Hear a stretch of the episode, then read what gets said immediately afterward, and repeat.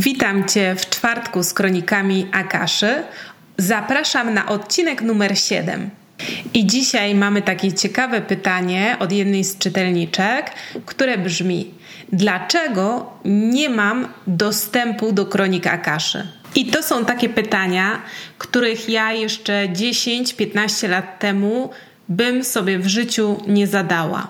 Gdybyście wtedy powiedzieli mi, że ktoś inny potrafi słyszeć jakieś głosy, otrzymywać jakieś przekazy, to pewnie postukałabym się wtedy w czoło.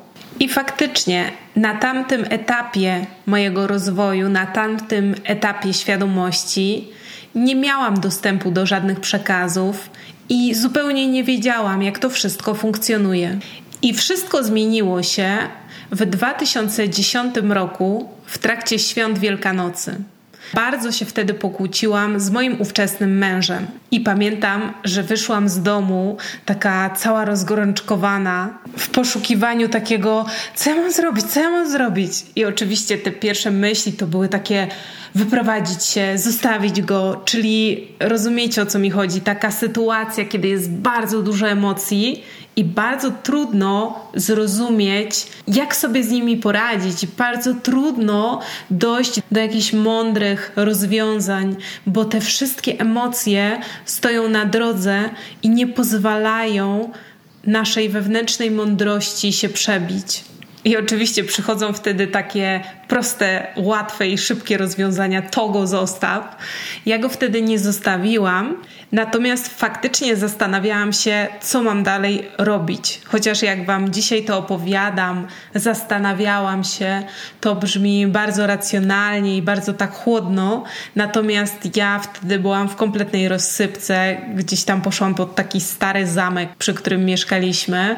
I najzwyczajniej w świecie zaczęłam płakać z bezsilności, ze złości, z tego po prostu, że ja sobie wtedy, w tamtym momencie, kompletnie nie radziłam.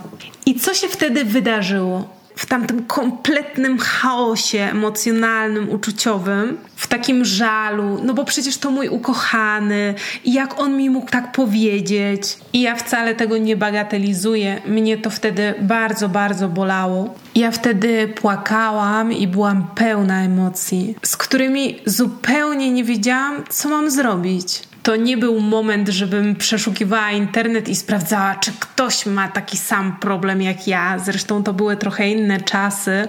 Ja wtedy nie miałam Facebooka, e, nie było mnie w internecie. Jeszcze nie było tak popularne, żeby wymieniać się na grupach gdzieś informacjami. To wszystko jeszcze nie było takie rozwinięte. Więc nie sprawdzałam, czy ktoś gdzieś ma taki problem i czy już znalazł rozwiązanie na ten problem. Może i dobrze, bo szczerze mówiąc, kiedy patrzę na te fora internetowe i porady, które są tam udzielane, no to te porady z mojej perspektywy one często nie są dobre, bardziej szkodzą niż pomagają. One brzmią trochę, no dobra, no to wywal go z domu, kopnij go w tyłek, to wszystko jego wina, uciekaj dziewczyno. I oczywiście są pewne momenty, kiedy coś takiego należy zrobić. Natomiast często tutaj tylko ślizgamy się po powierzchni problemu i nie docieramy do głębi. Czyli do tego, że jeżeli znalazłyśmy się w takiej sytuacji, a jesteśmy kreatorkami naszego doświadczenia, no to jesteśmy również za to doświadczenie odpowiedzialne. W jakiś sposób ono zostało przez nas współwykreowane z tą drugą osobą. I dopóki w nas się to nie zmieni, dopóty nasze relacje będą powtarzały ten stary schemat. Wracając do mojej historii, ja wtedy siedziałam na jakimś krawężniku i emocje się ze mnie wylewały. Wściekłość mieszała się z żalem i tego było naprawdę bardzo dużo we mnie. Na tamtym moim etapie rozwoju ja nie miałam żadnych narzędzi, żeby sobie z tym poradzić. Jeszcze wtedy nie medytowałam, nie miałam takiego połączenia ze sobą. Po prostu byłam bezradna. Ja po prostu nie wiedziałam, co mam zrobić. I wtedy, w tamtym momencie, usłyszałam taki mega spokojny głos, który powiedział mi: idź do klasztoru buddyjskiego. A tak akurat się składało, że niedaleko miejsca, w którym wtedy mieszkałam, był właśnie taki klasztor buddyjski. położony o 4 godziny drogi od mojego domu pieszo w górach. I powiem Wam, że ten głos był tak spokojny, tak kojący, tak dobry, jakby jakiś anioł położył mi dłoń na ramieniu i poradził w najlepszy możliwy wtedy sposób. I ja wtedy nawet nie kwestionowałam tego głosu. Ja całą sobą poczułam, że tak, tak trzeba zrobić, że muszę pójść do tego klasztoru. Nawet jeżeli oznacza to, 4 godziny pieszo drogi i może nie zdążę wrócić przed zmrokiem. Zresztą nie miałam nic innego do zrobienia, bo do domu z oczywistych przyczyn nie chciałam wracać. Nie miałam tam wtedy żadnej przyjaciółki w tej miejscowości, w której mieszkałam, której mogłabym się zwierzyć. Zresztą nawet nie chciałam nikomu się zwierzać. Chciałam zrozumieć, ja chciałam sama sobie z tym jakoś poradzić. Chociaż, jak już widać, nie radziłam sobie sama miałam pomoc. To był ten głos, ten głos anioła, ten głos tej siły pełnej miłości, która mi poradziła wybrać się do klasztoru buddyjskiego. I zaczęłam iść. I z każdym krokiem odpadała ze mnie najpierw złość, potem żal, potem jakiś taki smutek, aż w końcu szłam, jakbym była w takiej medytacji zupełnie spokojna, podziwiając góry, podziwiając przyrodę. Oczywiście ja wtedy nie miałam żadnego rozwiązania tej mojej sytuacji z mężem, a jednak byłam w stanie już się uspokoić, byłam w stanie już znaleźć w sobie tę ciszę. I tak szłam te cztery godziny, aż doszłam do tego klasztoru położonego w górach. I co się wydarzyło? Nic się nie wydarzyło. Klasztor był zamknięty na czas świąt Wielkiej Nocy. Oczywiście tylko z pozoru nic się nie wydarzyło. Tak naprawdę wydarzyło się bardzo dużo, bo po raz pierwszy w życiu usłyszałam tak wyraźnie głos mojej intuicji, mojego ja wewnętrznego. W tej takiej ciemnej dla mnie godzinie, smutnej dla mnie godzinie, nawiązałam kontakt stanęłam pod tymi zamkniętymi bramami klasztoru i tamtego dnia już nie było więcej wydarzeń, nie było już więcej fajerwerków, nie było już więcej emocji. Wróciłam do domu, ale nie zapomniałam ani o tej drodze, ani o tym głosie, który usłyszałam, ani o klasztorze. Kilka miesięcy później zaczęłam interesować się tym klasztorem i okazało się, że w tym klasztorze udzielają kursów, zajęć z medytacji. I ja się bardzo zapaliłam do tego projektu medytowania, wykupiłam sobie tam różne kursy i co weekend medytowałam. Każdą sobotę i niedzielę spędzałam w klasztorze, medytowałam, medytowałam, później medytowałam też w domu, miałam swoją praktykę, codziennie medytowałam. I to wszystko zaczęło mnie wyciągać z tego miejsca, w którym ja wtedy byłam. Z takiego miejsca niezadowolenia, kiedy pracowałam w pracy, w której nie chciałam pracować, Mój związek nie był dla mnie satysfakcjonujący, ale przede wszystkim ten mój związek z samą sobą, moja relacja z samą sobą nie była satysfakcjonująca, nie była dobra. Ja miałam bardzo słabą relację z samą sobą, i to się oczywiście wtedy przekładało na te wszystkie relacje, czy pracownicze, czy romantyczne, czy przyjaźnie. I kiedy jesteśmy w takiej sytuacji, kiedy rzeczy w naszym życiu się nie układają, to najłatwiej oczywiście dać tę winę na zewnątrz, tak? Bo on nie jest fajny, ten facet, bo w pracy mnie źle traktują, bo to, bo tamto, różne rzeczy różne okoliczności zewnętrzne możemy winić za to, jak my się czujemy. Tylko, że oczywiście to tak nie działa. Wszystko, co dzieje się w naszym życiu, jest przez nas wykreowane. Nawet jeżeli my o tym nie wiemy, nawet jeżeli jesteśmy jeszcze na tym etapie nieświadomości, kiedy czujemy się ofiarami okoliczności zewnętrznych. I oczywiście z takiej pozycji ofiary jest bardzo trudno zrozumieć, co się dzieje. Właściwie jest to niemożliwe, żeby zrozumieć, co się dzieje, i zazwyczaj nie dochodzimy wtedy do wniosków: OK, coś jest ze mną nie w porządku, ja wezmę się za siebie i zacznę medytować.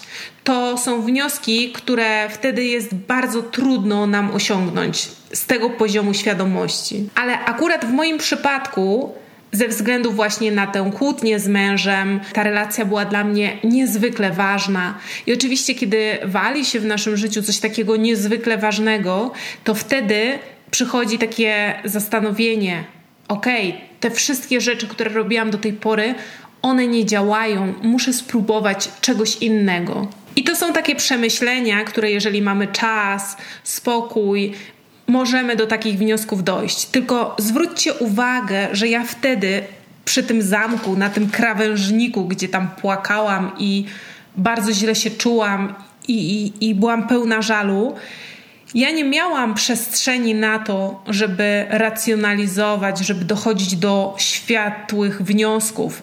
Ja byłam tam w rozsypce. A jednak, pomimo że byłam w rozsypce, to usłyszałam taką bardzo, bardzo jasną, dobrą myśl.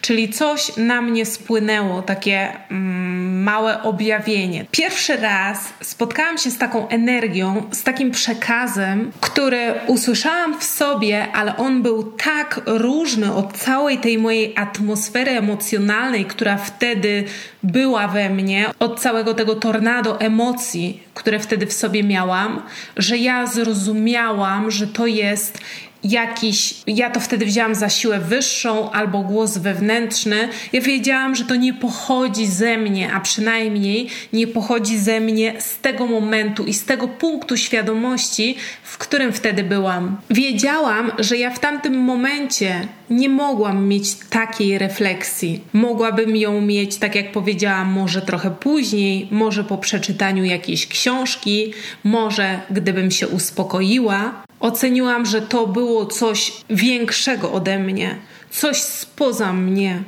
co wtedy mi pomagało.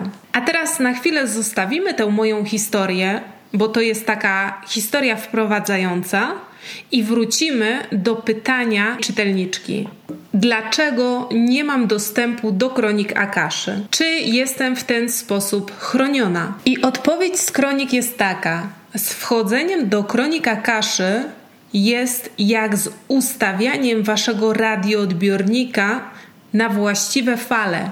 W teorii wszyscy mają dostęp. W praktyce nie każdy potrafi to zrobić. Czyli nie każdy potrafi dostroić się do tego wewnętrznego głosu, do tej wewnętrznej mądrości, przez którą łączymy się z polem kronik Akaszy.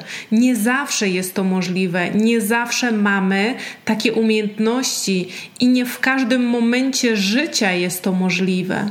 Przykładowo, ja dzisiaj potrafię, mogę bez trudu łączyć się z polem kronika kaszy, z mądrością kronika kaszy, ale wtedy, w tej sytuacji, o której opowiedziałam Wam na początku tego nagrania, ja wtedy nie potrafiłam się dostrajać, ja nie potrafiłam wyłączyć całego swojego bagażu mentalno-emocjonalnego, który mi absolutnie przysłaniał wszystko. Ja żyłam tylko w tym ciasnym, ciasnym boksie moich wyobrażeń, moich zranień, moich emocji i tam się kręciłam jak skarpetka w pralce, tak? Wirowałam tam i nie miałam dostępu do moich własnych zasobów.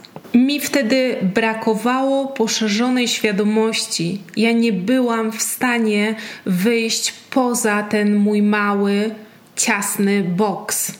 Zresztą, nawiasem mówiąc, pracowałam w korporacji, w której każdy z nas miał swój mały, ciasny boks. Można to odczytać jako taką metaforę mojej sytuacji. I faktycznie tak jest. Osoba, która nie żyje z poszerzoną świadomością, prawdopodobnie uzna, że słuchanie intuicji, czy przekazów, czy głosu wewnętrznego, taka osoba uzna, że to są majaczenia wariata. Dla takiej osoby te przekazy nie będą miały żadnej wartości. Ona nie będzie w stanie ich zrozumieć, nie będzie w stanie wyjść poza ten swój mały boks. Taka osoba ma bardzo taką zawężoną wizję rzeczywistości i ja wiem, jak to się toczy, jak tam się toczy życie, bo ja też tam byłam. To był taki mały boks, praca, związek, wypłata, jakieś domowe sprawy, trochę jakieś tam zabawy i to wszystko.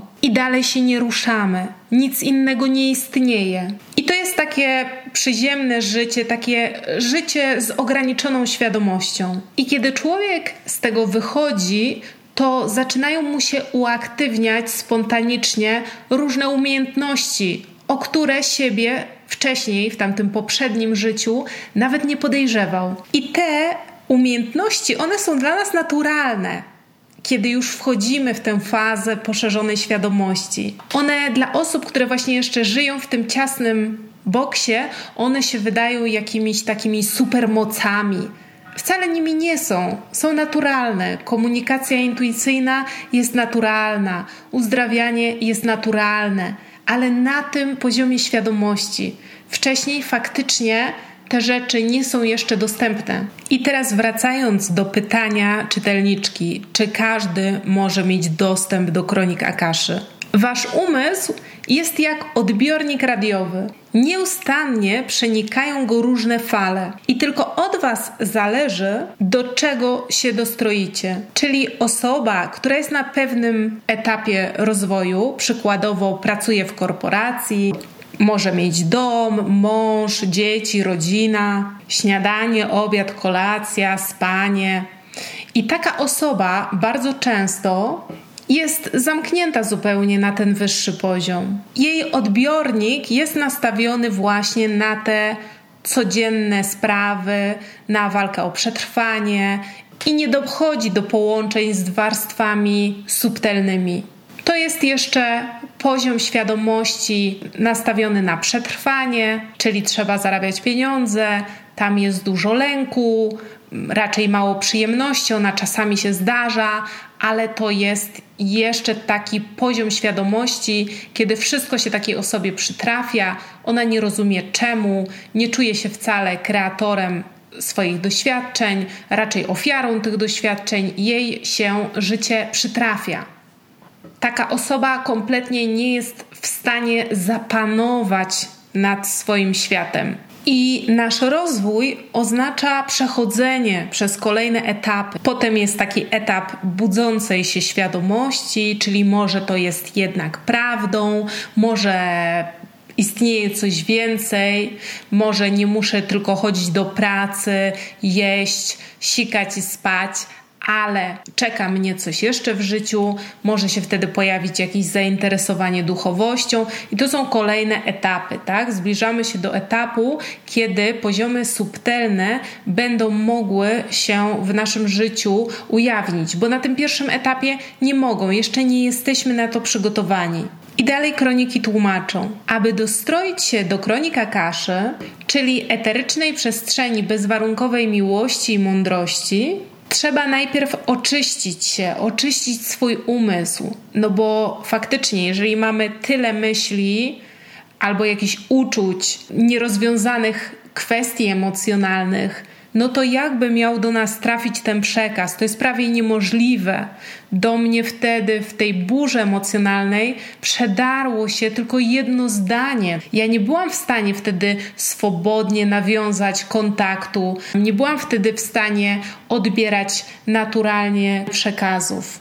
To było wtedy niemożliwe. Dlatego kroniki mówią, trzeba najpierw się oczyścić, czyli przygotować umysł, żeby to jest wszystko połączone, przygotować ciało, emocje i umysł na to, żeby mogło przyjąć taki przekaz. A następnie odpowiednio nastawić się na odbiór, czyli dostroić do frekwencji kronik Akaszy. Ludzie nieustannie dostrajają się do różnych frekwencji, ale robią to w sposób nieświadomy. Czyli nie mówią sobie, teraz dostroję się do fal biznesu. Tylko po prostu zaczynają pracować, a reszta zadziewa się automatycznie. Przestrzeń kronik Akaszy jest jak biblioteka albo sala wykładowa, w której toczą się interesujące dla Ciebie wykłady. Chcesz pójść na dany wykład? Musisz najpierw wiedzieć, że ma miejsce. Następnie znać numer sali wykładowej. Później będziesz musiała skierować tam kroki, a na samym końcu nacisnąć klamkę i wejść do środka. Tak jak w przypadku każdego wykładu na uniwersytecie. Jeśli przykładowo nie jesteś studentem Wydziału Fizyki, będzie ci trudno dotrzeć na wykład na tym wydziale, bo nie będziesz wiedziała, gdzie się odbywa wykład. Może też być tak, że kiedy dotrzesz na wykład, jako że nie jesteś studentką, nie dostaniesz pozwolenia na to, żeby zostać w sali. A nawet gdybyś takie pozwolenie dostała, jest duże prawdopodobieństwo, że wykładu nie zrozumiesz. Dlatego mówi się o pozwoleniu na wejście do kronik Akaszy, chociaż to pozwolenie wynika już z samej natury wykładu. Jeśli ktoś nie jest na odpowiednim poziomie, nie jest odpowiednio przygotowany, żeby zrozumieć taki wykład, po prostu na niego nie trafi. W świecie zewnętrznym objawi się to brakiem intuicji, brakiem aktywnych zdolności jasnosłyszenia lub jasnowidzenia, brakiem odpowiedniego nauczyciela lub odpowiedniego kursu. Te powody mogą być różne, są to jednak rzeczy zewnętrzne bez większego znaczenia, bo kiedy przychodzi odpowiedni czas, przeszkody ustępują a drzwi się przed tobą otwierają. Tak jak było w moim przypadku. Na długo zanim usłyszałam o istnieniu kronik Akaszy, u mnie już się uruchomiły zdolności jasnosłyszenia, zdolności jasnoczucia. Miałam bardzo wyrobioną intuicję, oczyściłam się, uzdrowiłam moją stronę emocjonalną. I wtedy spontanicznie zaczęły się u mnie otwierać zdolności, o których nie wiedziałam, że istnieją. I ja się bardzo długo oczyszczałam w Pirenejach. Moje połączenie z kronikami Akaszy to było następstwo tych wszystkich praktyk, tego całego oczyszczenia, tego całego przygotowania. Kurs, nauczyciel, modlitwa otwarcia to wszystko to już była taka wisienka na torcie ale ten tort to ja sobie przygotowywałam przez lata. Jeżeli chcesz zacząć czytać z kronik Akaszy i zacząć słyszeć głos z kronik Akaszy, to bardzo ważna i to opiekunowie kronik Akaszy bardzo tutaj podkreślili, będzie Twoja intencja. Intencja z którą przychodzisz, żeby się nauczyć. Jeżeli Twoja intencja wynika ze zwykłej próżności albo zaimponowania komuś, to możesz być pewna, że drogi do kronik Akaszy nie znajdziesz, bo po prostu nie są ci one potrzebne. Jeśli natomiast w wyniku swojego rozwoju będziesz potrzebowała kontaktu z kronikami Akaszy, wtedy, tak jak przede mną, otworzą się przed tobą odpowiednie drzwi i zostaniesz poprowadzona, bo ja byłam prowadzona jak po sznurku. Jednego dnia dowiedziałam się, że istnieje coś takiego jak kroniki Akaszy, a tydzień później byłam zapisana na kurs do nauczyciela z Madrytu, który został mi bardzo gorąco polecony. Wszystko odbyło się naturalnie. Ja nie musiałam o nic walczyć. Miałam pieniądze, żeby zapłacić za kurs, miałam nauczyciela, miałam możliwość wyjazdów do Madrytu. Wszystko zostało mi dane i miałam chęć, żeby ten kurs zrobić. Czyli wszystko zostało mi podane wtedy, kiedy był najlepszy dla mnie na to czas. Tylko, że ja już weszłam, zaczęłam ten kurs praktycznie z wszystkimi umiejętnościami. A tam była praktyka, jak to w praktyce zrobić, jak to technicznie wykonać, żeby móc takie przekazy robić nie tylko dla siebie, ale też dla kogoś innego. I teraz jest jeszcze takie pytanie, które często mi zadajecie. Czy każdy może słyszeć przekazy z kronik Akaszy? I tutaj kroniki odpowiadają w ten sposób. Wiemy, że Aleksandra, czyli ja, każdemu powtarza, że może zacząć słyszeć tak jak ona.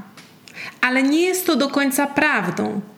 Ludzie mają pewne predyspozycje. Żeby dana osoba połączyła się z nami, musi w pewien sposób być otwarta na łączenie się z rzeczywistością niematerialną. W przypadku Aleksandry ważnym punktem była śmierć jej mamy, kiedy Aleksandra miała 10 lat. Czyli tutaj kroniki przechodzą do mojej historii osobistej i mówią, że dzięki temu, że moja mama dokonała przejścia, kiedy miałam 10 lat, to od tamtej pory ja zaczęłam nawiązywać kontakt z tym, co niematerialne.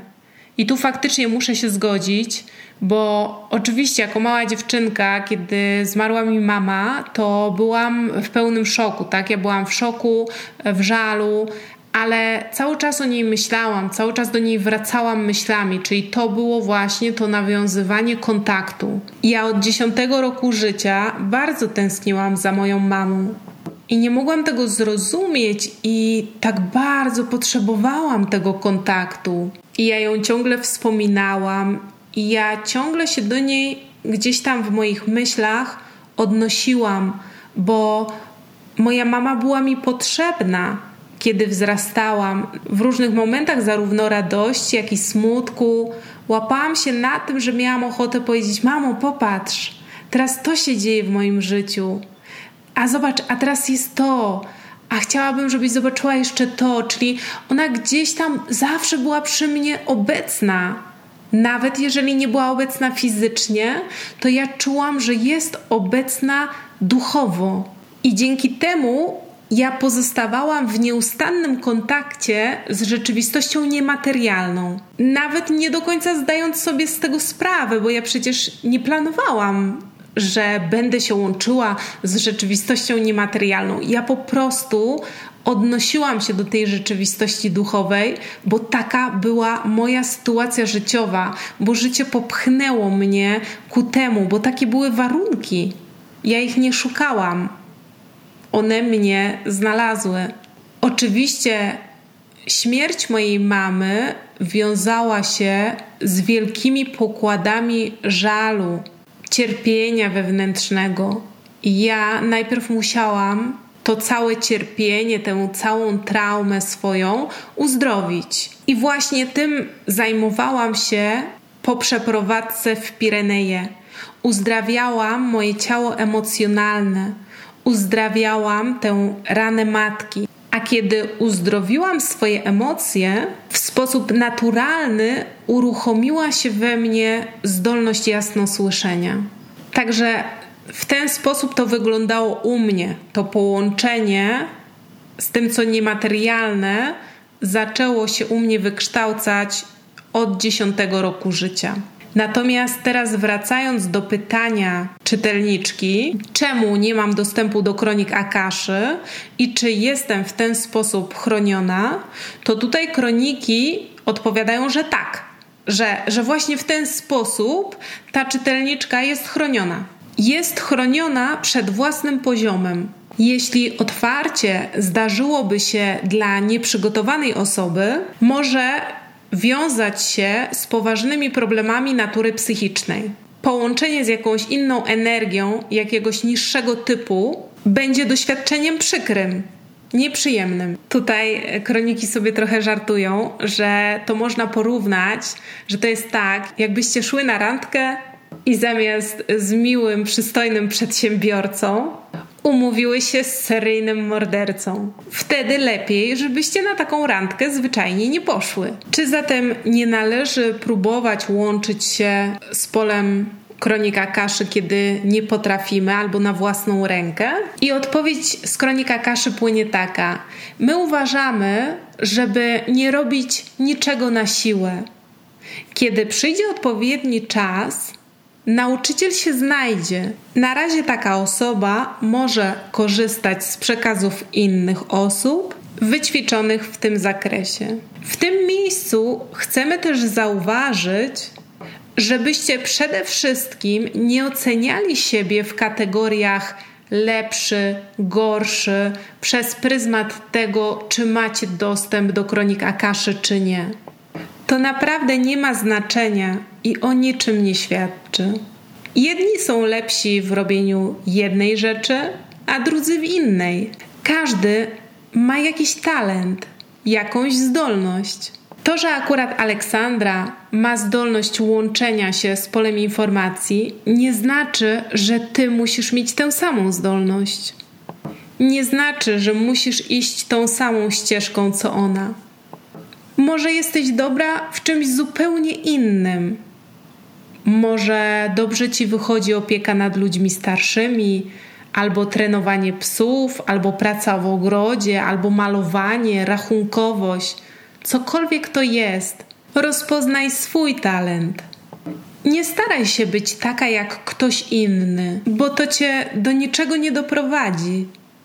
Natomiast realizowanie się w Twoim talencie wpuści w Twoje życie taki poziom miłości, radości i piękna, jakiego właśnie potrzebujesz. I wtedy nie będzie miało znaczenia, czy czytasz z kronik Akaszy, czy nie. Kochana, to był siódmy odcinek Kronik Akaszy. Dziękuję Ci bardzo za wysłuchanie i słyszymy się za tydzień. Cześć!